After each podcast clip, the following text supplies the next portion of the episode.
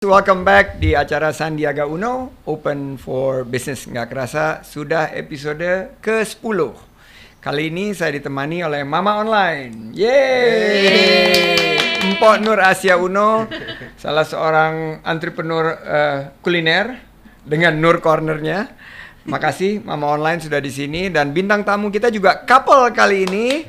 The first couple yang pernah hadir di Sandiaga Uno Open for Business, sahabat saya Ari Untung dan Venita. Terima kasih, kita udah diundang di sini. Selamat datang di Sandi Uno TV. Em, ini merupakan kehormatan kita karena eh, pertama kali saya host ini bareng Mpok Nur Asia dan pertama kali juga tamu kita couple. Jadi eh, Couple ini with couple. couple with couple. Jadi ini merupakan satu kehormatan dan tema kali ini adalah couple karena bertepatan dengan tanggal 14. Nggak ada hubungannya. Tujuh bulan lagi bos. Dan ini ini nggak merayakan Valentine itu salah algoritma lo. Algoritma ini nggak ini hijrah bro. Valentine mereka oh, no Valentine please. Apa itu Valentine? Hari cinta kasih sayang itu tiap hari. Sorry ini skripnya Hari nih. keluarga, hari keluarga. Hari keluarga. Ya, mohon maaf. Mohon maaf guys. Tapi memang tanggal 14 itu hari keluarga, karena itu tanggal-tanggal tua biasanya kan. orang. Nah, itu Jadi dekat ya sama bener. Jadi rasa sayang diuji, diuji di situ gitu kan. Downhill habis itu. Downhill tuh. Jadi apa kabarnya nih Bro Ari sama Mbak Venita nih? Alhamdulillah. Dan assalamualaikum semua nih para penonton Sandi Uno for Business TV. Eh gimana tuh Sandi Uno TV? kan? Sandi, Sandi Uno TV, Sandi- Sandiaga Uno Open for Business. Masya Allah nih, di kita di kita ngeliat ruangannya masalahnya kayak perasaan Bang Sandi ini waktu pandemi baru mulai apa mulai YouTubean udah punya studio semegah ini. Kayaknya perlu kita pinjam nanti buat collab nih. boleh, boleh, boleh, boleh. Boleh banget. Waduh. Eh, Mbak Venita sama Bro Ari always welcome. Karena tetangga kan, betul. Oh iya iya benar ya. Tetangga Satu banget. masjid lah kita ya. Satu masjid dan Masjid beliau juga. dan kita merasa bersyukur banget punya tetangga em, dari industri kreatif ya. Hmm. Jadi ada di wilayah Senopati ini, Jakarta Selatan. Sama Bro Ari sih sering banget ketemu Hmm. di beberapa acara, terakhir di launching Rico. Rico. Hmm. Tapi kalau lewat depan kantor sih hampir tiap hari karena kalau lari di situ. Oh, kalau tahu Bang Sandi lari tiap hari di situ ya saya nggak lewat situ. Dia gitu. enggak. Ambil lari juga udah sama. Tapi Mbak Venita ini terakhir kali ketemu waktu kita kumpul-kumpul di Merah Delima Januari Oh, iya, ya Januari lalu kita kumpul-kumpul kan waktu itu. Kita pernah juga. Oh, Pak, Makan. waktu Pas itu ini makan ya, pas- restoran kemarin buka. Iya Merah Delima. Ah, benar. Bu launching Korea itu loh. Oh itu Oh, Shin. Sandi lagi nggak ada tapi ya. Ada, aku ada. Tapi aku duluan, eh, Bro Ari sama Mbak Venita nyusul kan. Oh iya iya benar-benar. Aku waktu eh, Teku Wisnu sama Dimas datang, aku udah di situ. Tapi terus habis itu harus jalan. Tapi yang terakhir ada di IG Story ini luar biasa banget. Eh, Bro Ari ketemu Sulaiman. Waduh. Apa jawabannya hadir gitu ya? Hadir. Hadir. Ya absen. tapi tapi ini ya beliau tuh orangnya apa welcome banget gitu kita datang wah ini kita tetangga tapi nyobain nyicipin apa namanya restoran di sebelah nih Set. ada yang satu kopi mahal kan sebelahnya lagi situ kan ini yang UKM bos. kita coba aduh ternyata tahu gitu ini kita kalau apa buka puasa apa segala macam teman-teman ke situ aja gitu kan tapi saya yang punya rumah nggak ada ternyata ada perwakilan ada perwakilan. Nah. Sebetulnya udah kita karyakan dari kecil itu. Sulaiman. oh, itu dia UKM juga UKM juga. Tapi itu Nur Corner. Terus kalau bisa Mbak Nur Asia bisa cerita sedikit nggak sama eh, Bro Ari nih sama Mbak Venita apa nih apa tuh Nur Corner? Iya, tadinya tuh sebetulnya awalnya tuh gerasi ya. Jadi Bang Sandi waktu itu kan kepengen banget minta bikinin kafe kecil gitu. Kita waktu itu lagi di Bulgar eh, Hungaria ya. Di Hongaria. Hungaria. Terus Budapest. Budapest. Uh, terus kita lagi jalan pagi terus non non non aku kepengen deh ini dibikinin kayak gini gitu. Oh ya udah deh saya fotoin gitu kan tempatnya emang kecil gitu cozy. Pulang ke Jakarta, aduh di mana ya kira-kira. Pokoknya akhirnya udah deh di gerasi ini yang nggak nggak pernah ada mobil emang gerasinya, cuman dibuat ya udah ah, kayaknya harus tepatnya di sini di pojokan ya. Hmm. Akhirnya saya rubah dari gerasi berapa bulan ya? Kurang lebih tiga bulanan deh. Hmm. Udah langsung jadi, terus eh, murah meriah lah. Yang Hmm. penting bersih, cozy gitu. Nah bulan Desembernya tuh udah mulai COVID. Hmm. Terus saya agak, aduh gimana nih ya? Hmm, Mas Andi terus, ayo dong kapan nih bukanya kapan kapan? Ya udah deh akhirnya saya nekat udah buka aja deh. Bagaimana caranya? Bukan, bulan Desember tuh belum COVID. Bulan Desember kita mau eh, ke US kan. Iya. Ke US Pulang belum dari- buka. Baru pulang itu Januari, Februari Iya, baru mulai baru. COVID. Akhirnya udah deh nekat aja pas hari Minggu kalau nggak salah itu. Eh, udah deh bikin konten ya sama temen apa ini saya. Terus kita bikin ya udah kita nekat aja buka, kita mau buka ini launching corner dan lain-lain. Tapi memang UKM-nya tuh udah banyak kan. Hmm. Udah mulai tester-tester makanannya apa aja. Jadi yang- nggak mereka nggak produce eh, makanan sendiri. Jadi soto eh, soto yang Bro Ari makan itu adalah produksi UMKM. Oh, jadi Jadi yang dikurasi. Oh, orang iya, ya, iya. Jadi kita berdayakan UMKM itu, mereka punya produk-produk ya dijual di situ. Oh, Oh, jadi banyak wadah Ah, buat ah. UKM kumpul ya. Iya, untuk Banyak UMKM. menunya, banyak cemilan juga Iya, gitu kan. sebenarnya enaknya waktu itu pas lebaran kan ngirim. Itu juga enak banget tempenya apa semuanya enak-enak Iya. Bener. Dia sempat ngomong sih mau nggak ya kalau artis-artis papan atas itu Bro Ari Untung diundang ke sini. Saya bilang berat kalau itu. Waduh, itu ngomong Itu- dari awal. Itu, itu, kita- itu itu kan warung-warung nilai monetisasinya tinggi sekali gitu loh. Bang, kalau ngomong dari awal, Bang, itu garasi malah kita yang nempatin, Bang. Aku bilang lihat aja kantornya tuh, kantornya megah banget. kita beda banget Kita lewat lihat situ. Tahu nggak kita setiap lewat situ kan ada kopi yang mahal itu, Eh, yang depannya D, yang depannya D tapi nggak usah diundang. Terus abis itu kantornya Bro Ari kan, wah gila mewah banget gitu loh. Saya bagian bersih-bersih aja, Bang. Aja. Paling ujung gitu kan. Tapi makasih banget kemarin itu datang itu langsung penjualan naik signifikan. Yang bener. Bener Wah, karena kalau kita gitu kan besok nggak usah diposting lagi, Bang. Anyway. Tapi, tapi itu Bang berarti barengan kita lagi rintis buka-buka di situ pas, berarti pas ya? banget, Oh, iya pas iya banget. iya, Jadi benar, makanya kita senang banget waktu pertama kali ngelihat Bro Ari sholat di Masjid At-Taqwa nih. Jadi itu masjid bersejarah banget dan ini nggak ada di skrip di sini. Jadi masjid itu eh, di ya dari dari lama sekali. em, jadi kan ini daerah di sini itu dulu eng- engkongnya Nur. eh, bukan engkongnya Nur ya. Eh, engkongnya mertua, engkongnya ayahnya Nur itu adalah orang asli sini Betawi. Oh, gitu. Jadi jadi dulu ini kampung Ram- eh, jadi kampung yang isinya pohon Kampung sawah. jamblang atau kampung rambatan, kampung sawah ya. Mm-mm. Kampung sawah. Nah, mereka nih Betawi yang punya eh, Aset. lahan di sini. Mm-mm. Nah, terus kan eh, Jakarta Selatan mulai dibuka di tahun 50, 60 dan kakek saya pindah ke Jalan Galuh Mm-mm. di depan masjid itu tahun 50 dan waktu itu eh, kakeknya Nur, engkongnya Nur membangun masjid itu. Mm-mm. Jadi yang itu tanahnya tanah wakaf dari keluarganya eh, Mbak Nur. Mm. Terus ayah eh, ayahnya ayah saya, eh, kakek saya itu ikut Opa Uno itu ikut eh, ngeba- ngeba- ba- ngebangun masjid itu. Oh, jadi Oh, jadi Opa itu dari- temenan. dari Eh, dulu ya Mbak. ken- kenal karena sat- eh, satu lingkungan kan, tapi nggak nggak kenal dekat karena satu jamaah aja. Terus waktu kita mulai kenalan, terus eh, sering datengin ngapel lah dulu namanya ya, ngapel eh, Ini rumahnya Nur di ya? rumahnya Nur di Jalan Mataram sini kan. Eh, sementara saya di Wijaya. eh, Jalan Wijaya. Kita janjian ketemuannya itu di Masjid. masjid di depan apa? eh, di depan ada dulu namanya ada warung eh, untuk teh poci. Jadi warung Tegal gitu jual teh poci. Jadi kita suka ketemu di situ. Kamu sih yang nunggu. Aku tuh justru nggak pernah tahu. Cuma Ya karena kamu kan nggak mau makan di warung dulu. salah ya. Justru Dimulai konflik keluarga Uno. Iya aku nunggu-nunggu gitu lama. Ya. Karena gini bapaknya dia tuh galaknya setengah mati. Dan ibunya lebih galak lagi. Jadi dia selalu eh, kasih tahu gitu, aman gitu datang baru cucut cucut cucut ke Mataram gitu loh, jemput. Nah. Di teh poci Di itu. di itu, masjid. di Jadi aku makanya kamu dari mana sih?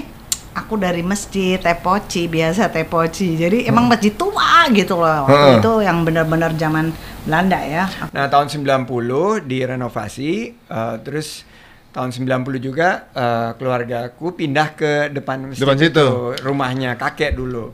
Jadi itulah ceritanya pas Kakek eh, kita ya, kakek kita ketemu terus akhirnya waktu kita berjodoh alhamdulillah ternyata pas trace back rupanya ya itu bersejarah banget lah di Waduh. depan kantornya Pak Ari ini. Jadi di depannya sana, bukan yang di depan banyak warung Iya, bukan, yang Oh, jadi di dekat kantor kita, Yang dekat taman, dekat dekat taman. yang dekat taman, Dekat dekat taman. persis. Dekat taman Oh, persis. jalan. Pantesan di situ kayak tanahnya agak coklat di situ. Eh,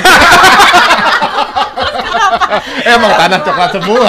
Maksudnya tanah coklat semua. Enggak, aku cerita ini kenapa coba? Karena eh, mereka itu menikah eh, beda 10 tahun. Dan waktu itu Mbak Venita baru 18 tahun.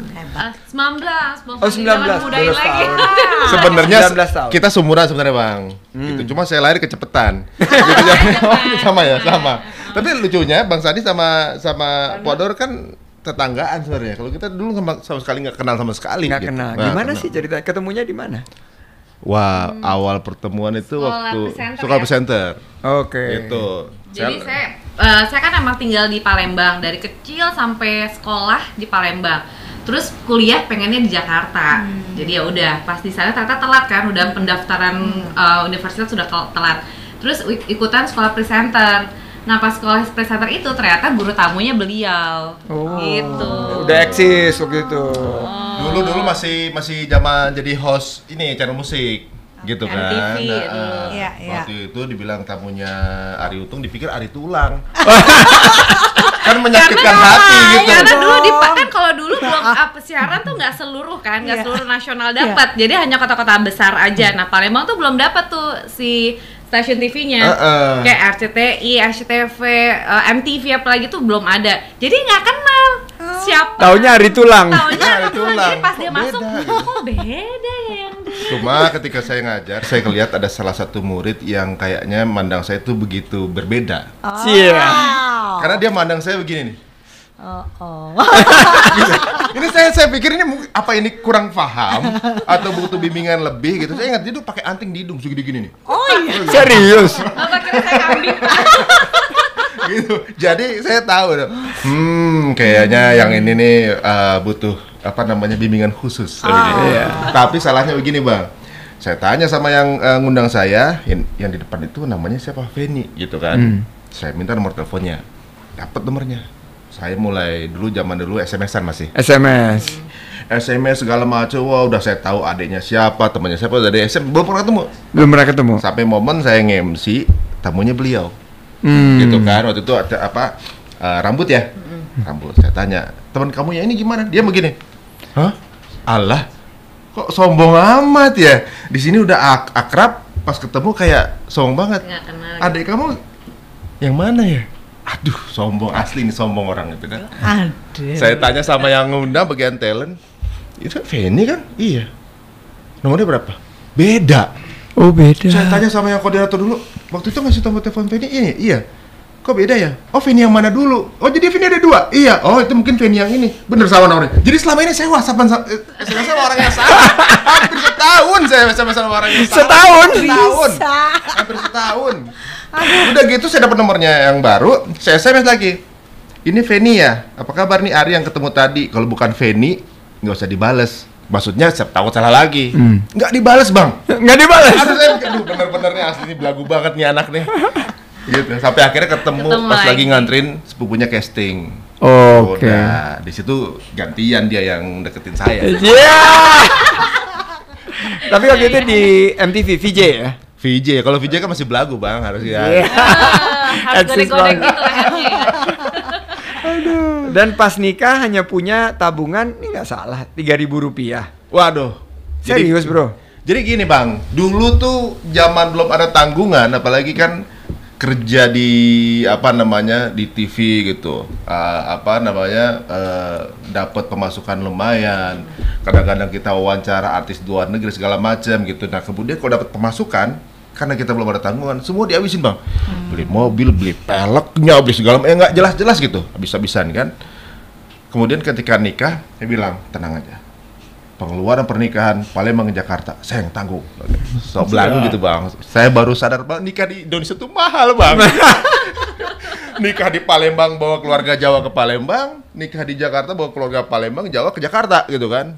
Udah selesai bayar dekor segala macam. Udah eh, memang ada beberapa yang belum apa ya namanya dulu juga artis jam-jaman bang ya. Dibayar kalau kita eh, apa syuting no pas lagi buka print out rekening terakhir lunas pembayaran 3000 bang. Serius? bener dia bilang. Sayang kamu nikah sama artis cuma segini saldonya. Kita dari nol ya. Bensin. jadi ya.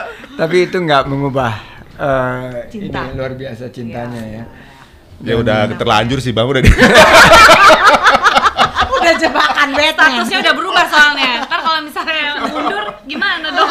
Ya udah jalan terus. Tapi benar sempat nggak disetujui sama mungkin Wong Kito Galo kali. Nah, nggak iya. setuju karena apa? Tampilannya kayak rocker gitu atau apa? iya dulu itu kan Mas Ari pas banget MTV terus juga dia lagi ngeband Oh, ngeband. ngebandnya tuh yang zaman zaman emo yang pakai kutek warna hitam terus pakai Oh, iya, iya. Celak. Kayak kiss Celak gitu itu, ya, ah, kayak bener-bener. kiss-kiss gitu ya. ya. Oh dia hijrahnya udah duluan berarti celak itu. langsung di amat bukan cuma ini itu bang Bukan. sampai bibir juga itu Bibir hitam juga? abis Oh, makan cumi makan cumi manggung iya jadi orang tua tuh sempat shock kan karena ya pertama nggak kenal katanya artis tapi nggak kenal kok orang Palembang tuh nggak ada yang tahu terus penampilannya juga pas datang tuh kan masih uh, kutek hitam Iya, terus iya. masih apa terus kayak kamu yakin apa kayak gitu? Iya, ditanya iya. berulang-ulang. Tapi ya nggak tahu ya. Ngepas waktu Mas Ari ngelamar pun juga Karisma ngerasa kayak sih. kalau nggak tahu kayak Serak gitu ya. serak aja. Terus emang serahin aja sih sama Allah. maksudnya emang kalau emang dia jodohnya saya ya udah insya Allah dimudahkan. Tapi alhamdulillah selama proses kan biasanya kalau misalnya proses tuh banyak banget tuh pertentangan misalnya. Ngurus gedung lah ngurus apa ribut ini itu. Ini kita kayak nggak ada ini ya nggak ada Gampang halangan. gampang kayak semua tuh lancar banget. Sampai H satu kita tuh ngobrol lagi kamu yakin mau nikah? Besok kamu jadi besok, istri ah, loh. besok kamu jadi suami aku loh gitu-gitu. Ya udahlah ya Bismillah aja gitu. Ya udah terus kita mikir bahwa nanti aja punya anaknya apa segala macam karena kita sama-sama syuting. Jadi udah pokoknya kita ngikutin alur aja sampai akhirnya ya kita jadi suami istri Kita nikah tuh di lapangan sebelah rumah bang, dulu kan. Di Di, lapangan? lapangan sebelah rumahnya Feni di Palembang ada lapangan bola, dibikin apa namanya? eh, Kayak Tenda tenda gitu ya. tenda. tenda Tandain gitu. Terus diarak-arak itu pakai belakang belakang belakang. kan kalau adatnya di sana kan di Iya. Iya. gitu. Pasti, pasti. Mengarak pengantin gitu ya. Mengarak pengantin dia sampai ketiduran ya kamu ya di Jadi di. Palembang itu kan pakai mahkotanya begini bang. Oh, Aduh, iya, aduh yang berat, berat gitu. kan. kayak Iya, hancur berat gitu kan. ya. berat gitu kan udah udah siang gitu udah berat ke terus gitu lagi mau men udah udaranya lagi enak banget siang pagi gitu Semilir tiba gitu seng, waduh enak banget leher kayak nggak bisa nahan bang gitu. terus nyangkut bang kayak dia gitu terus jadi begini gitu di, di pelaminan kita nyangkut gini cepetan nih balik tuh gitu. sangka kita bercanda kira eh, panitia pada ke atas ngobrol Ya Allah, lucu. ada ketiduran Gila komik banget. Itu pada geleng-geleng gitu yang apa saudaranya yang, yang sepuh-sepuh pada aduh bercanda nih.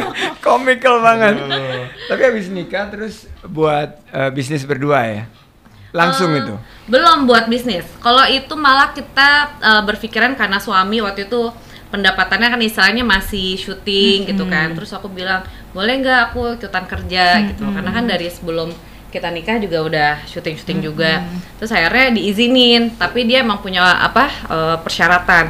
Pokoknya keluarga pertama. Jadi mau apa pun itu keluarga harus pertama. Terus aku nggak boleh main sinetron karena kalau sinetron pasti. Terus. jadwalnya dan pasti Penuh. kebanyakan di luar rumah. Jadi terpaksalah presenter. Jadi itu sebenarnya pertama kali aku presenter pun Mas Ari yang ngajarin semua yang mentoring. Terus juga eh, apa nemenin casting, nemenin semuanya tuh dari awal tuh Mas Ari. Hebat. Orang Ngebantu. Saya nggak bisa bawain acara olahraga Bola gitu ya? Bola bisa, saya nggak bisa. Bisa timbang baca doang. Aduh gimana dong besok udah tesnya bisa suruh nonton saya main PS. Tuh pemainnya apalin dari semua semua tim dia mainin semua tim semua negara terus aku disuruh ngafalin semua pe- apa pemain-pemain sama pelatih ya jadi, jadi kayak gitu Tapi cepat juga beradaptasi dengan bukan new normal tapi adaptasi new football. Iya, bener. iya, Kalau itu justru new normal zaman dulu kan. Zaman dulu. Dulu belum nggak biasanya kerja presenter, tiba-tiba new normal jadi presenter dalam waktu cepat harus Iya. adaptasi. Iya. Saat itu. Itu cepet banget ya Mm-mm. tapi aku juga eh, malah eh, bersyukur banget gitu karena kalau nggak dicemplungin mungkin Iya, aku nggak akan berani benar, untuk benar. eh, ngomong nggak akan berani untuk nyoba sesuatu hal yang baru gitu Ini terus langsung eh, punya anak ya? Iya. Mm. Sekarang udah bertiga ya anaknya? Sekarang Tiga. tiga. gitu. Awalnya kita tuh nikah tuh nggak mau ketahuan kita nikah, biar kita masih syuting dulu kan masih Oke banget. gitu. Feni dulu awalnya waktu zaman itu juga lagi syuting jadi anak SMA. Oh. Nah gitu kan maksudnya biar dulu kita secara manajemen biar eh, secara market masih bisa ambil. ya eh, gitu market. kadang eh, kita Ambil segmen. nutupin lah Ah. eh. Ya, ya. Udah kita jangan punya anak dulu deh, tahan 2 tahun gitu Oke. kan. Terus ada satu eh, apa namanya momen di mana kita honeymoon. Honeymoon itu di eh, Singapura itu pas Gongsi Pacoy waktu itu kan. Hmm, Chinese New Year ya? Chinese New Year ya. Wah pas banget nih. Di sana pasti lagi lampu di mana-mana gitu kan. Kita mikirnya diskon banyak diskon nih Dan dia tuh belum pernah keluar negeri waktu itu gitu. Serius? Jadi waktu pertama kali lihat Changi itu, wah gitu. Biasa mendarat di Palembang. ah, Palembang lampunya muram-muram gitu tiba-tiba di Singapura kan semua Jembatan Ampera. gitu Heeh. Terus ketika sampai sana, justru ternyata itu setelah Gongsi Pacoy. Hmm. Jadi semua tutup. Kosong, tutup. semua mau Dulu kita lebaran. dulu kita tinggal di sana juga. Jadi kalau habis eh, Chinese New Year itu seminggu lebih hampir 10 hari itu tutup, Tutup, semua. benar. Itu yang kita rasain dulu. Ngapain ke sini ya? Toko gitu ya. tutup semua. Iya, kita lihat diskon-diskon cuma tutup. Ngapain ke sini? Bisa belanja. Waduh ya udah akhirnya ya tadinya kita mau jarakin 2 tahun eh, akhirnya jadi positif Hmm. gitu ya mungkin karena nggak ada kegiatan lain bang Covid, covid. Tapi ada kegiatan lain. Itu covid di masanya. itu Masa-masa itu ya. Kita PSBB waktu itu. ya. Ya udah bener alhamdulillah tapi ya itu jadi kayak Blessing ya. blessing Iya, ya benar. menikah kemudian eh, di Ramadan pertama eh, apa namanya eh, Ya, takbiran ya. pertama ya Itu tahun berapa sih menikahnya? 2005. awal 2005 Oke. jadi pe- pas eh, maghrib takbiran pertama itu apa orang takbir anak saya pas Hmm, lah. lahir, lahir pas Waduh, banget pas berkah banget. pas ya. banget itu itu saya sujud di rumah sakit sampai lantainya retak Wih, tapi nggak taunya emang udah retak Udah retak sebenarnya dari sebelumnya. lucu juga. Ngawur. Kirain aku benar sampai. Tapi Sampai ini kita loh. punya eh, anak perempuan juga kan. Heeh. Eh, jadi usianya juga udah 20 Kakak 23 Kakak ya 23 tahun ini. wah semakin Aduh, pagi sebenarnya sih saya udah Nah. punya anak tuh. Iya, jadi em, ini udah eh, selalu kan kita bilang eh, kalau kita referensinya karena kita usianya menikah tuh dua, kamu 27 ya? Iya. Saya Sama kita kan enggak, sama. sa- saya duluan kan. Oh, tahun. Iya. 27 kamu 26 mau 27 kan. 27. Jadi referensi kita eh, kawin itu di usia yang Umur-umur mungkin di atas segitu. 25 ke atas. Tapi waktu kawin di usia muda gimana perasaannya? Mbak Feni? Hmm, awalnya memang sempet bingung juga gitu kan. Cuma nggak tahu kenapa, kayaknya saya emang di keluarga itu emang semua pada nikahnya muda. Muda. Kadang kan kita memang melihat eh, sosok yang paling dekat kayak orang tua, mama tuh nikah juga umur 18-19 tahun. Hmm. Jadi mama tuh sempat bilang, ayo kamu hati-hati, nanti kamu nikah eh, cepet gitu kan. Terus aku bilang, enggak lah nanti aja aku pengen karir dulu apa segala macam mau sekolah ini itu. Tapi ya nggak tahu kenapa, memang tiap kali deket sama orang, Maunya dinikahin. ya. aduh masih nggak cemburuan ya, banyak yang mau ngelamar. Aduh. tapi kan pilihnya ke aku Oh, pemenangnya dong siapa Iya dong, dulu? iya dong. udah terus kayak apa nikah nikah gitu kan ya udah akhirnya nggak tahu kenapa ya jatuhlah ke Mas Ari gitu.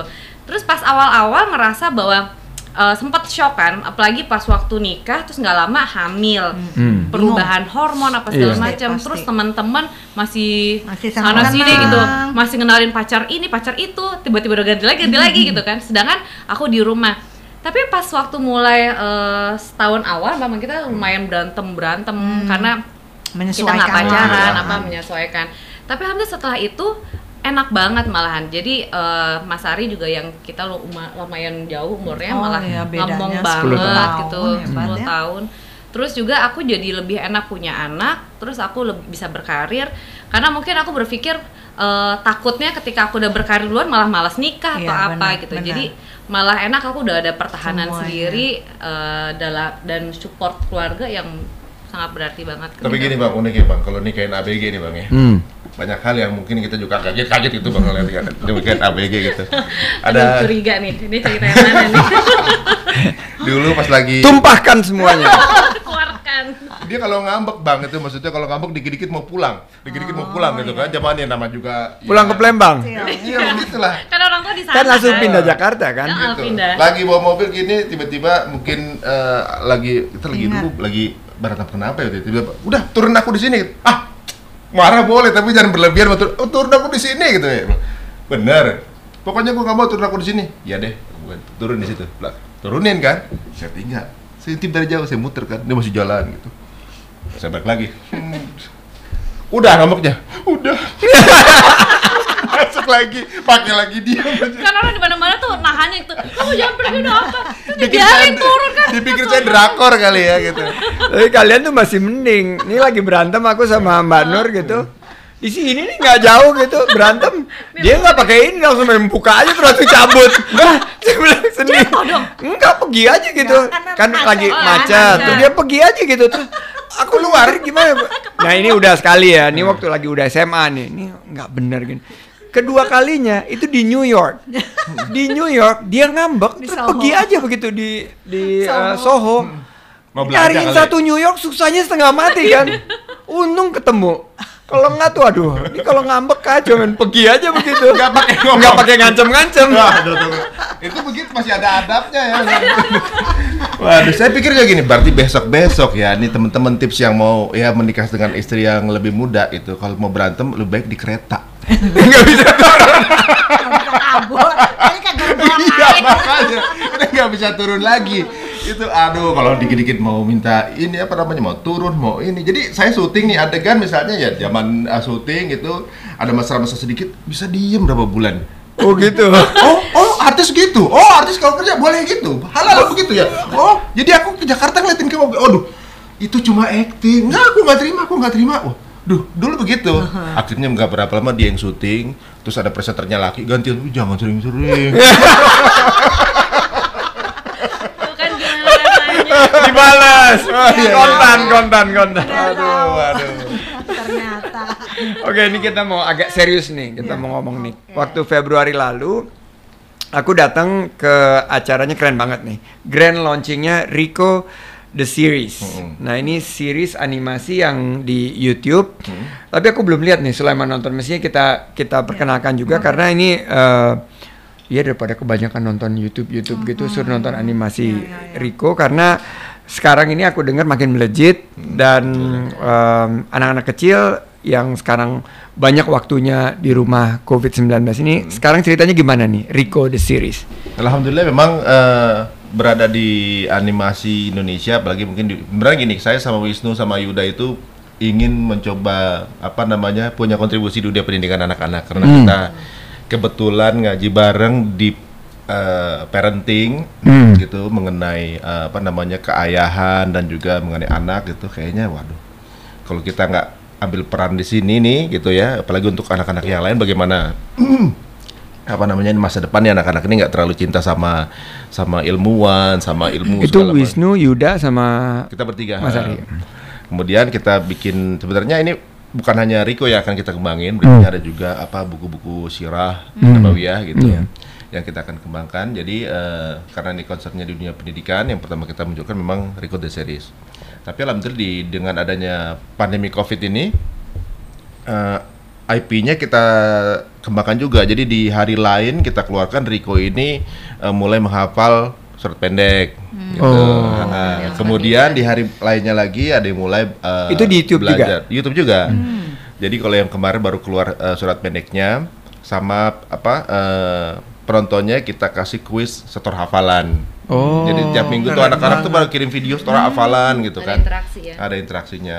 Dan kemudian eh, rencana ke depan kita ada belajar baca, belajar Hmm. hitung untuk anak-anak. Eh, jadi kalau yang ceritanya ada setiap weekend, hari-hari sekolahnya ya mungkin menggantikan beberapa peran orang tua mungkin yang nggak sempet ngajarin baca, ngajar eh, apa namanya? Kita coba memudahkan mereka untuk anak-anak kan sekarang lebih banyak intens di Iya, benar gadget. Gadget. di gadget gitu ya. Jadi ya di situ kalau kita pikir waduh, Anda ini semua orang punya apa namanya eh, pemikiran yang sama ibaratnya. Teman-teman kita senior di Nusa ini kan sudah Hmm. 168 jam seminggu mereka sudah Oh, iya. kontribusi misalnya lima menit dah dalam seminggu gitu. Kita Nusa. Mm-mm, Eh. Aku sering nonton. kita juga kontribusi lima menit gitu. Masih banyak nih peluangnya Iya. sebenarnya. Pasarnya besar ya. Ah, ah, ya, maksudnya pasarnya besar, kemudian peluang-peluang di sini masih masih banyak kesempatan eh, adik-adik kita itu untuk meleset ke channel lain gitu, ibaratnya Iya. yang belum saatnya mereka lihat gitu Iya. kan. Nah, kemudian kita juga eh, suka komunikasi juga dengan animator dari Malaysia, Iya. eh, rekan-rekan juga kita komunikasi seperti apa. Ternyata mereka juga bermain di pasar kita dan juga di pasar Malaysia, juga. Malaysia. Jadi merasa justru ini kita sama-sama saling saling Membesarkan. Ngisi, Eh, ya. eh, benar sama-sama saling ngisi. Dan sepertinya di sini mudah-mudahan sih jadi banyak yang ikutan juga untuk eh, berada di area ini nih. Gitu. Karena anak-anak nih kalau misalnya kalau kita sih memang ngembatnya di mana di di ranah sains ya. Iya. Jadi anak-anak jadi tertarik untuk menjadi scientist Iya. lah gitu, menemukan sesuatu Iya. di di apa di nanti ketika mereka dewasa. Nah, hal yang kayak gini nih yang kebanyakan anak-anak kalau kita habis waktu di game nih kan, soalnya saya habis main game nggak dapat apa-apa gitu kadang-kadang Iya. gitu. Ngeliat sesuatu eh misalnya joget-joget udah selesai nggak dapat apa-apa. Iya. Kalau tiba-tiba mereka kemudian terinspirasi untuk waduh, saya ingin jadi orang yang menciptakan sesuatu misalnya gitu kan. Inovasi. Inovasi misalnya Teknologi. karena ngelihat bagaimana pahlawan ilmuwan zaman dulunya tuh begitu membanggakan. Hmm. Terus eh, ada nilai-nilai di belakang gitu bahwa ini pahala jariahnya semua orang yang pakai itu kan Iya. menciptakan pesawat, Iya. semua yang pakai pesawat sampai dia meninggal itu Iya. kan pahalanya jalan terus Iya. gitu kan. Iya. Ilmu yang bermanfaat ya. Andaikan mereka terinspirasi dari tayangan kita kemudian jadi seseorang yang sosok nanti orang besar kita insya Allah dapat investasi Amin. pahala lah ibaratnya Pasti, gitu. Pasti. pasti. Jadi sebenarnya tabungan-tabungan yang nggak melulu hanya monetize yang kita pikirkan. Iya. Jadi eh, lebih Akhirat. ke arah apa sih yang bisa kita contribute gitu. Entah nanti eh, ada rezekinya ya udah diatur sendiri Iya. insya Allah. Jadi kalau dilihat memang industri animasi ini kan kita belum terlalu optimal ya, padahal Hmm. pasarnya sangat besar Mm-mm. dan kalau dilihat dari pertumbuhan ekonomi kreatif itu di atas pertumbuhan ekonomi nasional. Sekarang ekonomi kreatif itu masih di bawah 10% kontribusinya terhadap PDB kita. Tapi kalau kita lihat dari animasi, ini peluang untuk tumbuhnya sangat besar dan konten-kontennya sebetulnya kalau supply-nya ada, sebetulnya sangat bisa terpenetrasi ya. Hmm. Jadi saya ngelihat dari Nusa ya bahwa ternyata edukasi itu bisa digabungkan dengan entertainment dan kesuksesan Nusa ini kan juga menurut saya nggak hanya di animasi aja tapi berkembang menjadi satu ekosistem. Hmm. Ada nanti mungkin theme parknya. Iya. Jadi anak-anak kita nggak usah semua terpikir Disneyland, Mickey Mouse dan lain sebagainya, tapi kita harus punya. animasi terus kita bicara apalagi ada Sirah Nabawiyah dan lain eh, lain banget. Nah, menariknya ini eh, penggabungan antara pendidikan, entertainment dan aspek religinya. Nah, gimana eh, Bro Ari ngelihat eh, masa depan dari satu industri animasi ini dan Rico ini mau dibawa ke mana nih Rico the series? Kalau masa depan animasi saya rasa masih sangat luas ya. Jadi bahkan sepertinya eh, ruang bermainnya itu kita masih bisa milih kan. Karena di mungkin di bidang yang lain udah ini udah diambil si Anu, ini diambil ini diambil ini gitu kan. Kalau sekarang justru animasi itu masih untuk Indonesia ini masih sangat luas, masih banyak yang bisa mau ambil apa? Science kah atau juga mungkin masalah eh, apa namanya? hewan-hewanan atau mungkin eh, yang adab-adab gitu atau bermain aja atau belajar. Banyak banget yang belum eh, kepegang sih sebenarnya. Dan mudah-mudahan ada juga teman-teman yang ngerasa wah saya punya kemampuan itu dan eh, ibaratnya ini momennya untuk bergerak. Apalagi online sekarang kan sedang naik nih online kan. Animator Indonesia banyak yang justru kontribusinya keluar bukan ke dalam. Karena merasa di dalam eh, apa apresiasinya agak kurang nggak Iya. seperti di luar. Akhirnya mereka ada yang teman ada yang di Yunani ada yang di Polandia Mereka sampai ke sana ya ditariknya. sana. heeh. Talenta Bahkan talenta yang, kita ya. Yang mendesain eh, apa? Bapernya Piala Champions orang Indonesia itu. Wah, Ada di. Polandia gitu sampai ke sana sedangkan kita nih eh sebenarnya talent nih banyak. Ada yang teman-teman berapa menit ngerjain Transformer, ada Iya. yang ngerjain Star Wars gitu kan. Malah ada bikin animasi juga ya, tapi tayangnya di luar bukan di Indonesia. Bukan Indonesia gitu. Sayang gitu. Dan apresiasinya di sana lebih eh, Iya. terasa dibanding Terasa. di sini. Mm-mm. Padahal di sini kan ya eh, rumahnya sendiri mestinya. Benar. benar. Ya tapi mungkin karena eh, apa namanya sudut pandang ekonomi ya mungkin Iya. ya mungkin eh, belum terapresiasi eh, seperti yang mereka harapkan jadi ya mencari di luar. Siapa tahu nanti suatu saat akan kembali ke sini pada saat sudah eh, momennya sudah tepat gitu ya. Ya mimpi kita sih kita bisa jadi tuan rumah di negeri sendiri ya. Hmm. Apalagi Iya. nih anak-anak kita sekarang udah 100% digital natives. Hmm. Mereka lahir dengan ekosistem digital ekonomi di depan mereka. Kalau kontennya nggak kita ambil, sebetulnya sih agak terenyuh juga nih di tengah-tengah COVID. Kalau kita lihat streaming eh, OTT ya, sayangnya kontennya kita nggak menjadi tuan rumah di negeri sendiri, malah ada drakor yang banyak. Terus Money Heist, ini nonton sama aku drama Spanyol, Iya, Dranyol, Heist. Dranyol. Money Heist. ya. Dranyol. Tapi kalau misalnya sebetulnya ada drambang, drama Plembang gitu. Ah. Nah, mung gitu kan lo. Why not ya? Ya, unsur lokal gitu Iya, ya. unsur-unsur lokal. Palembang. Makan pempek pakai cuko, cuko. Nah, itu kan itu harus kita bawa loh mendunia ya kan untuk mengenal Palembang itu dari kulinernya dari Nah, Palembang tuh lucu-lucu padahal orangnya tuh. Hmm. sebenarnya. Kenapa? ini penggemar pempek Ya. sebelah Oh, nanti dikirim ya. Taiwan juga Iya, itu Iya, anak-anak ada. semua. Itu baru take one belum ya, take two, take three, Oh. take itu lebih Aduh, terserah bapak ya. itu level berikutnya, level berikutnya. Ini ada beberapa kisah inspirasional. Beberapa tahun lalu, eh, Bro Ari dan Mbak Feni ini memutuskan untuk sama-sama hijrah. Eh, apa sih yang membuat akhirnya memutuskan untuk eh, berhijrah?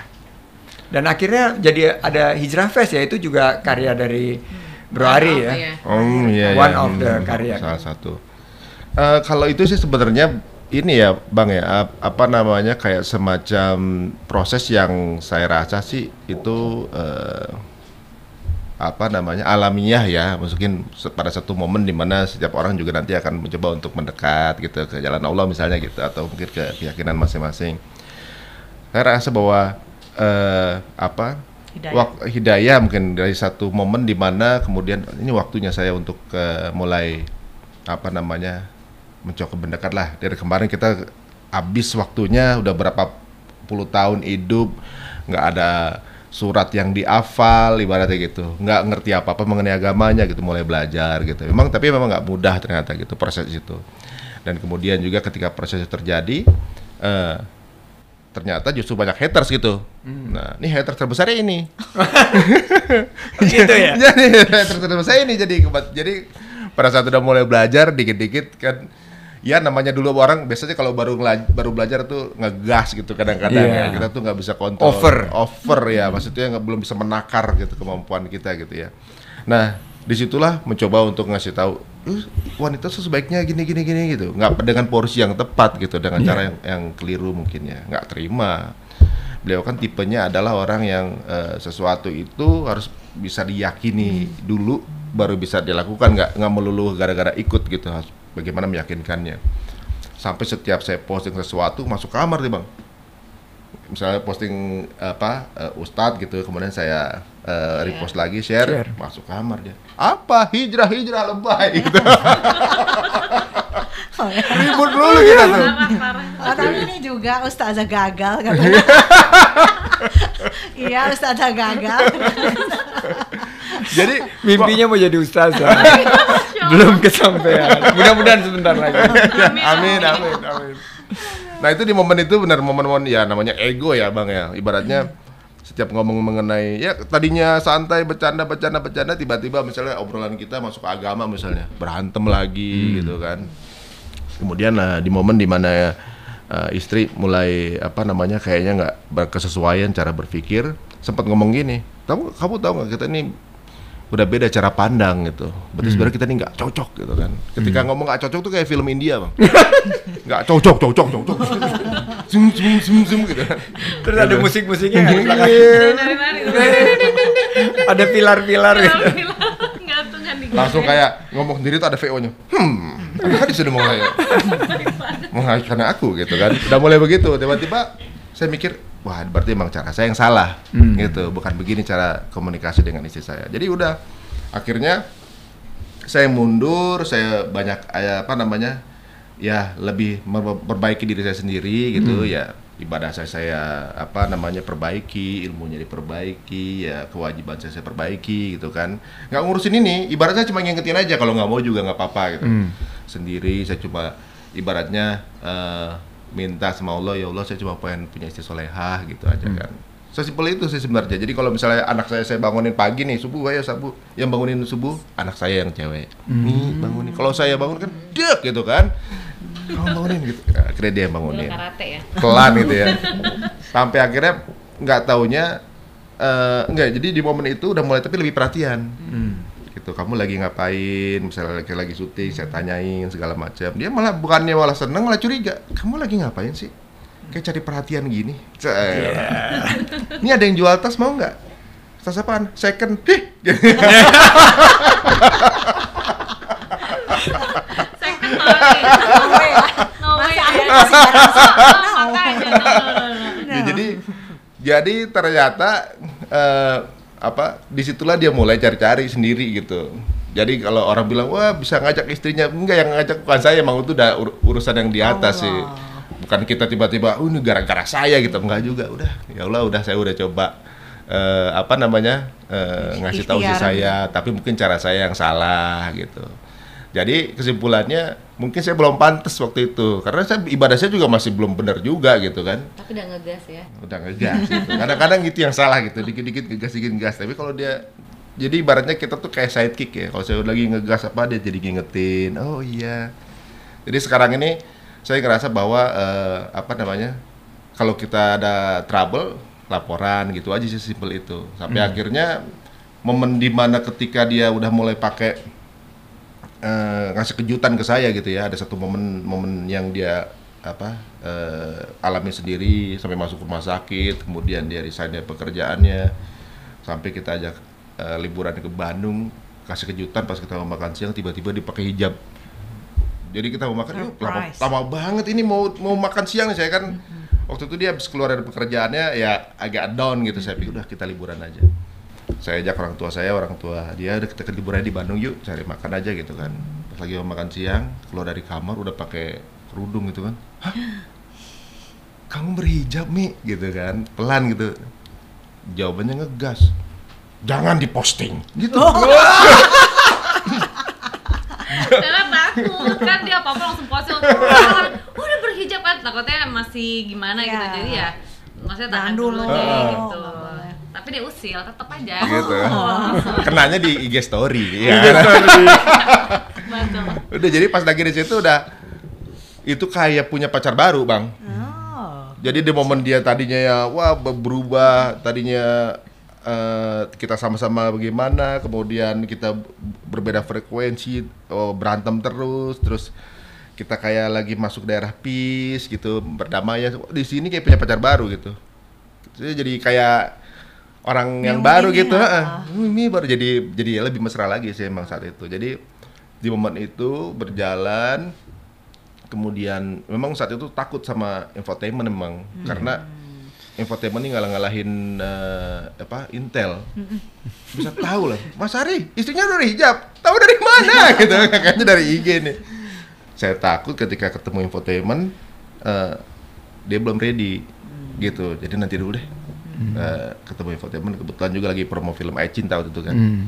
di di Malaysia. Nanti aja deh kita tunggu momen yang kamu udah siap baru kita misalnya kamu mau ketemu teman-teman nggak apa-apa. Pas sampai Jakarta pas buka pintu gitu nggak tahu di rumah tuh udah banyak hijab Oh, berceceran kiriman-kiriman gitu. Jadi di sini baru baru kelihatan ya kalau misalnya apa namanya eh, wanita tuh supportnya tuh langsung banyak dapat lovers kalau laki-lakinya banyak haters tapi hadiahnya kan dapat istri soleha Iya. Amin. Aduh. Subhanallah barakallah. Amin, Tapi amin. kita mungkin berapa tahun lalu kita mulai sering datang ke acara Hijrah Fest ya atau ini memang saya lihat dari jumlah peminat dan dari anak-anak muda eh, animonya ya itu eh, sekarang sangat eh, antusias untuk ikut paling tidak mempelajari lebih lebih baik. Dan ini saya lihat juga bukan hanya em, semata-mata mereka berhijrah dari eh, perilakunya tapi juga merupakan satu peluang usaha juga. Benar nggak sih eh, Mas Ari?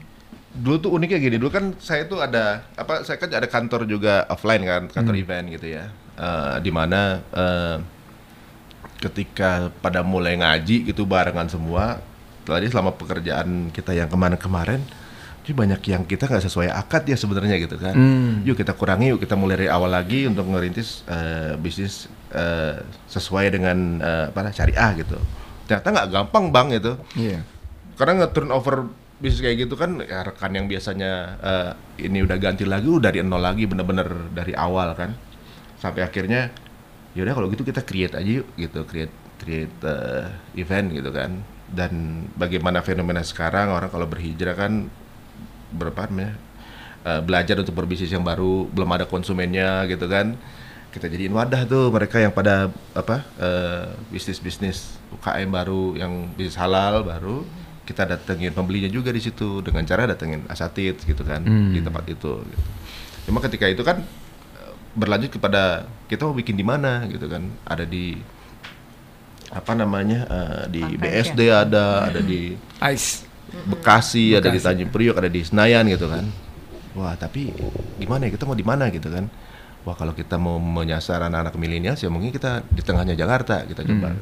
Tapi di situ nggak ada ternyata nggak ada tanggal yang Pas. kosong, nggak ada yang kosong. Akhirnya ada yang nggak dipakai tanggalnya, kita Masuk. kita over ke sana. Oke, ketika kita mulai jalankan, ini bakal eh, orang bakal ini bakal datang nggak ya? Ada yang datang pengajian nih gitu. Masih ragu ya kan? Ditambah waktu itu mungkin iklimnya kan iklim-iklim suasana politis kan ibaratnya Iya. yang eh, sponsor juga belum terlalu percaya gitu bahwa event ini eh, Akan ber, ya, apa bernuansa politis atau enggak gitu kan. Jadi sponsor juga bingung gitu. Udah ada, ada sponsor nggak ada sponsor kita jalan aja gitu.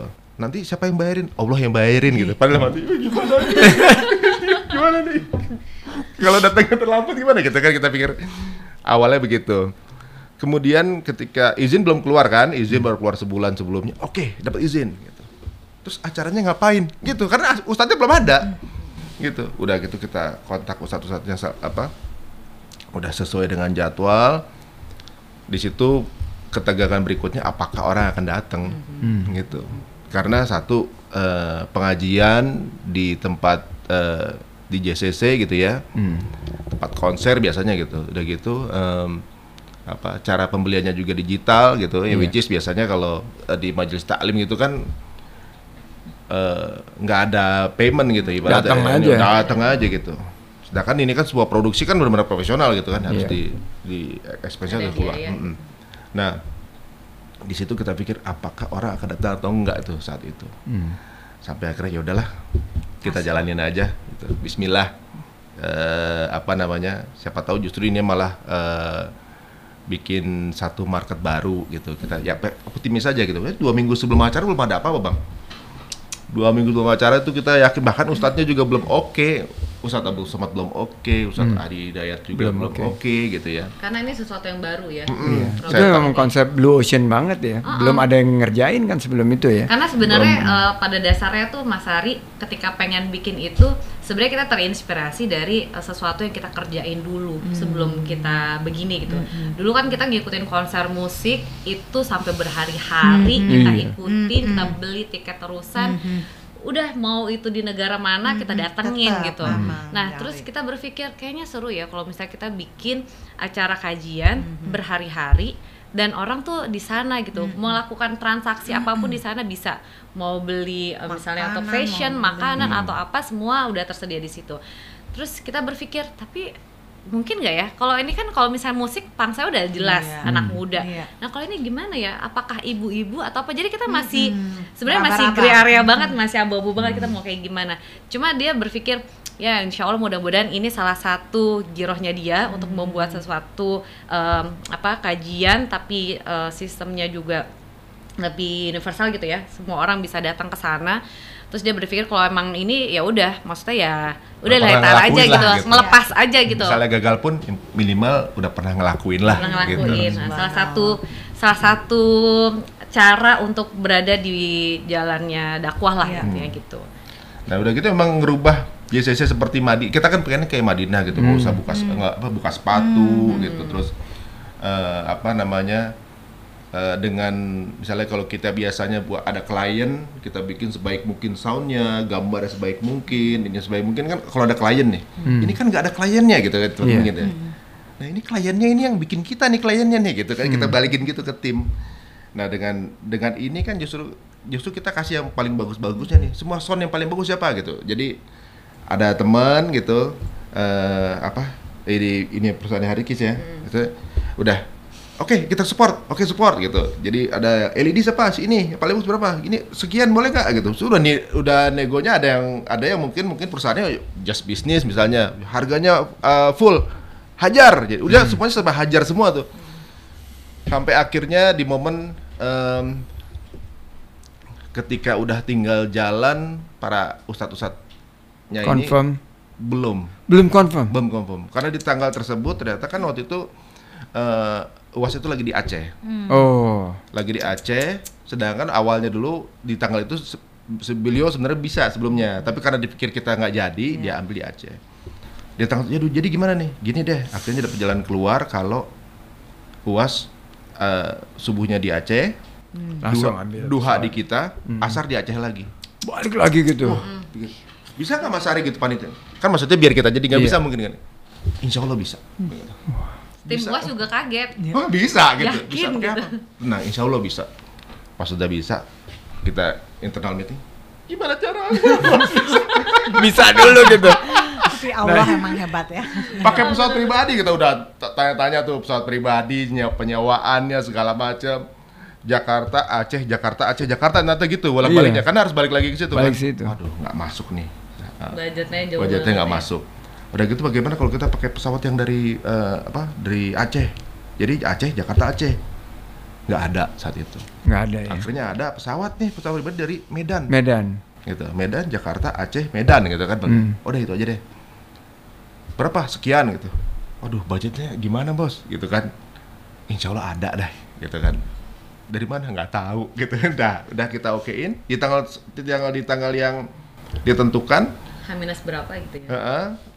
Itu eh, ya mungkin ada satu dan lain hal membuat nggak bisa dipakai karena libur. Gitu. Ya mungkin eh, dulu kan masih nuansa politis lah gitu. Iya. Tiba-tiba karena uas yang naik gitu, waktu itu nggak jadi gitu. Terus akhirnya gimana? Kayaknya kita nggak pakai uas gitu. Jadi setiap dia ke Jakarta, saya datengin hotelnya tuh pagi-pagi ketemu sama timnya. Sampai suatu saat udah dead end nggak mungkin bisa lagi. Pagi-pagi timnya ngeliat saya ada lagi situ. Mas, ada jalan keluar? Enggak sih. Pengen aja di saya sini. mau ketemu aja ngobrol. kasihan ya, siapa tahu ada jalan keluar hikmah ketemu Ustadz. Saya nganterin aja deh ke kajian Ustadz deh. Ada kajian di Cikarang. Ya, itu udah ke sana Cikarang ya? nggak tahu deh Cikarang. Nah, ke Cikarang saya nganter semobil tiba-tiba tercetus tuh. Eh ngomong-ngomong sih apa? UAS ini malamnya sebenarnya Acehnya lebih dekat ke Medan loh. Kalau pesawat dari Medan mungkin bisa coba saya hitung ya. Oh bisa, tapi pesawat paling pagi bisa Mas Ari dari mana? Dari Medan. Dari Medan. Saya cek kan. Oh, ada Aceh. nih.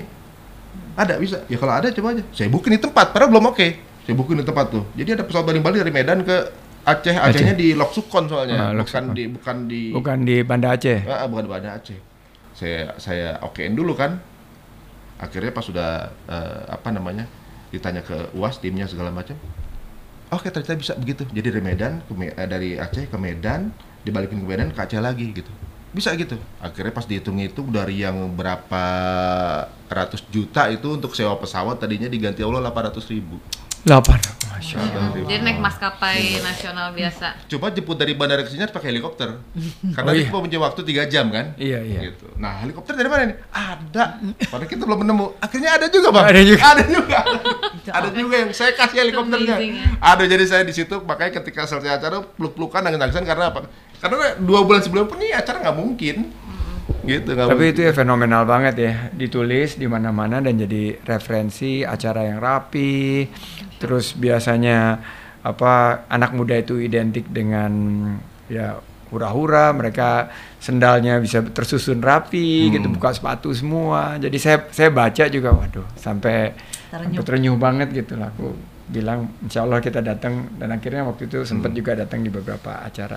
Tapi keren banget sih acara itu sih. Iya, orang Waktu- sampai kayak waiting list mau nonton konser tahu kan itu yang saya wow kan waktu itu pernah mau yang di mana ya eh, Adi Hidayat waktu Hmm. itu jauh banget itu sampai saking banyaknya orang bang sampai BSD ya atau apa ya? Mm, nah dia- Di ICE. Mm. Ya Penuh. Allah, aku sampai gini udah give up ya. Apa kita dapat nggak ya? Kalau udah jam segini ya, mana ini orang berduyun-duyun. Aku Hmm. lihat dari jalanan bang, itu sampai menuju.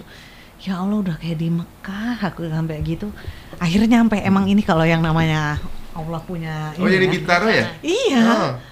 Ya Allah, aku bilang sampai juga walaupun terlambat tapi alhamdulillah itu yang namanya amaze banget. Itu di situ saya ketemu Ustadz Adi Hidayat dan saya melihat beliau dengan kalian semua itu ya Allah aku bilang ini kalau sama Allah tinggal kun fayakun asal emang niat kita udah Ikhtiarnya. ini udah akan di Dimudahkan, di lulusin langsung bang. Ampun. Ada nggak pesan yang pengen eh, Bro Ari sampaikan ke anak-anak muda gitu? Eh, ya ini ini kan kita lihat bahwa ini satu kesempatan pandemi COVID-19 ini untuk kita refleksi ya.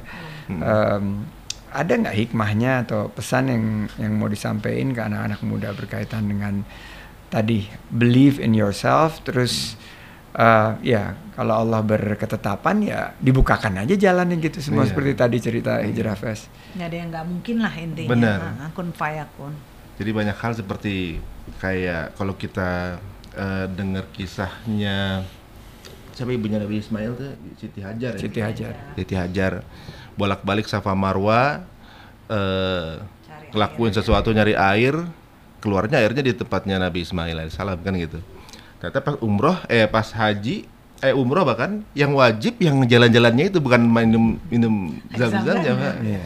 jadi saya rasa bahwa kewajiban kitanya itu effortnya ikhtiarnya gitu Upayanya. hasilnya sih nanti Allah yang nentuin insya Allah jadi ketika teman-teman ngerasa kalau stuck nggak ada gigi mundur kita maju aja dulu kalau akhirnya memang kita nggak apa nggak berhasil sekarang tapi kan effort ini udah dinilai gitu nah ini yang yang bikin kita ngerasa kayak oh, kalau berjuang sih berjuang aja gitu entah nanti viewers kita berapa entah yang likes berapa itu kan urusan Allah Kita upaya Nah, aja. kita dulu. upaya aja misalnya Effort aja. misalnya kitanya targetnya itu ya kita ya sakit hati nanti kalau tiba-tiba likes-nya nggak banyak, viewernya nggak banyak kan gitu.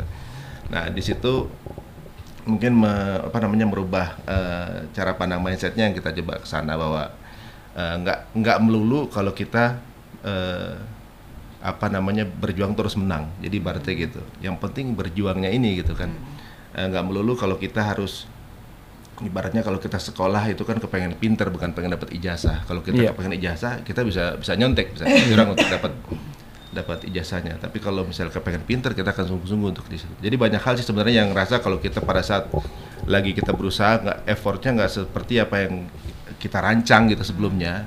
Itu kita fine fine aja. Memang bukan itu targetnya yang kita rasa. Jadi eh, Allah ini maha kuasa, apa aja bisa dilakukannya gitu. Semua hal bisa, tapi ada satu hal yang nggak akan dilakukannya, yaitu mengingkari janjinya.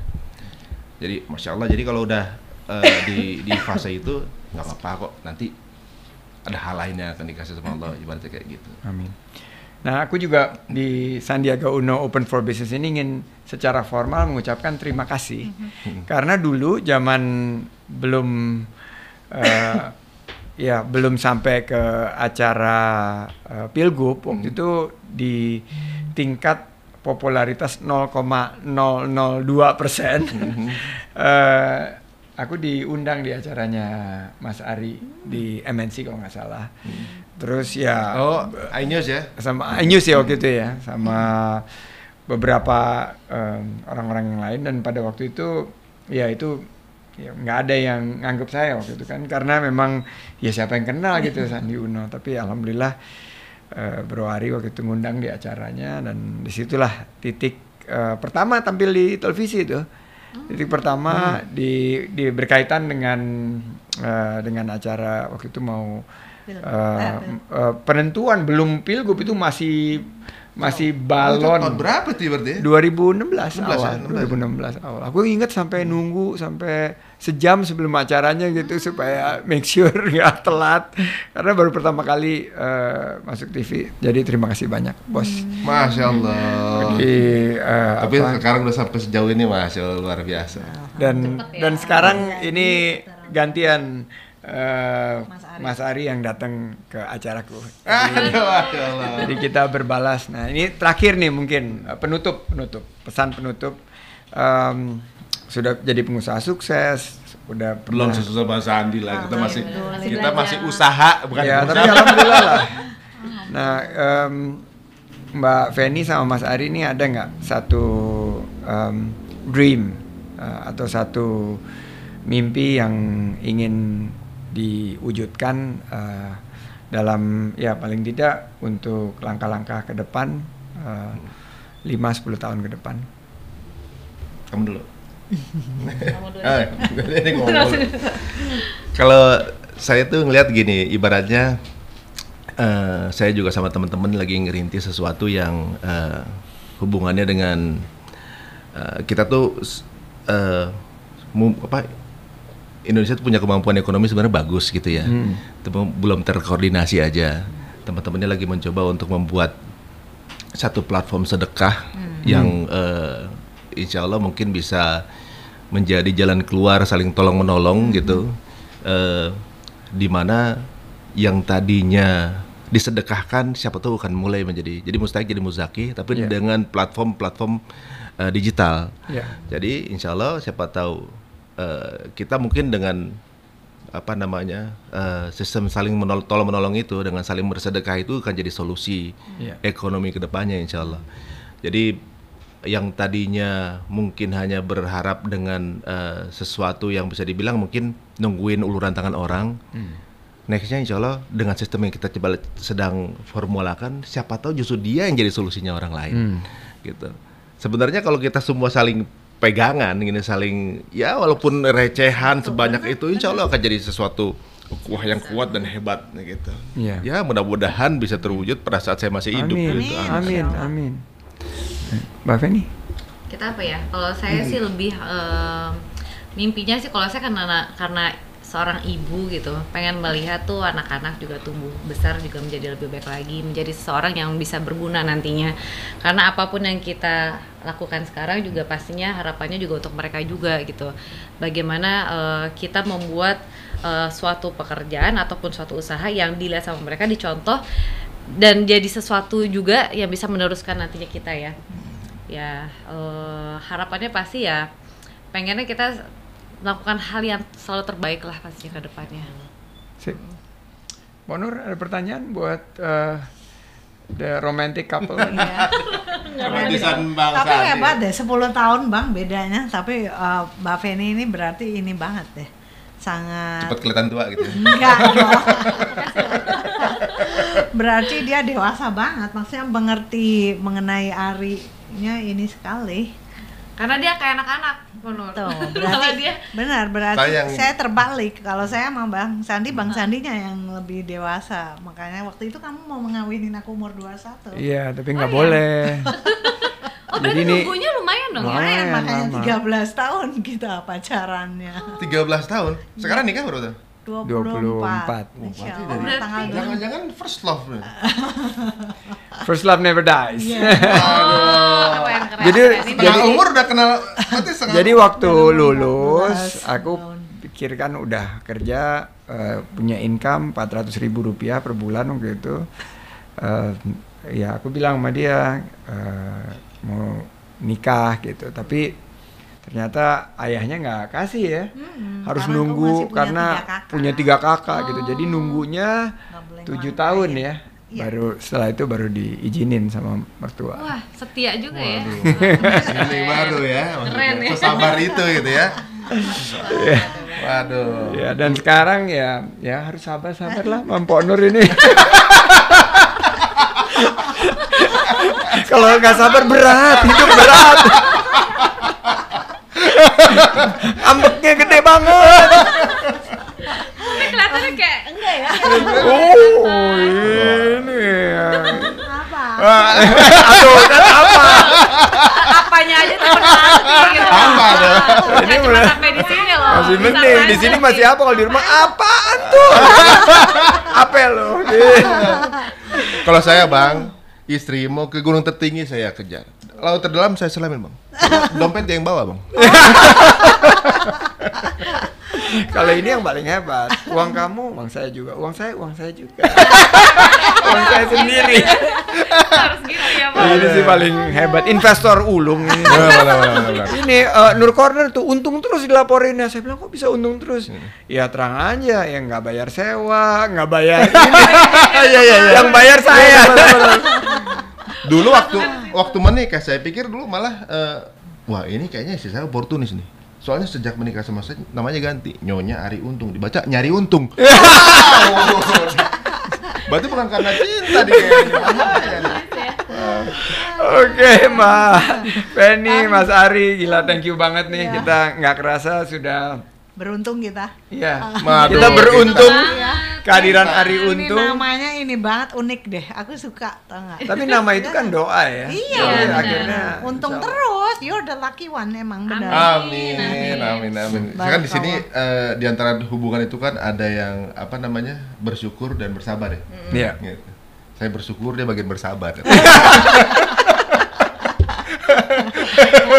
Tapi thank you banget udah datang ke Sandiaga Uno Open for Business, Ya. netizen yang budiman. Eh, sampai jumpa di episode selanjutnya Open for Business, open your mind, open wawasan kita dan mudah-mudahan open for your own success. Sukses buat kita semua. Wassalamualaikum warahmatullahi wabarakatuh. Waalaikumsalam. Waalaikumsalam warahmatullahi wabarakatuh.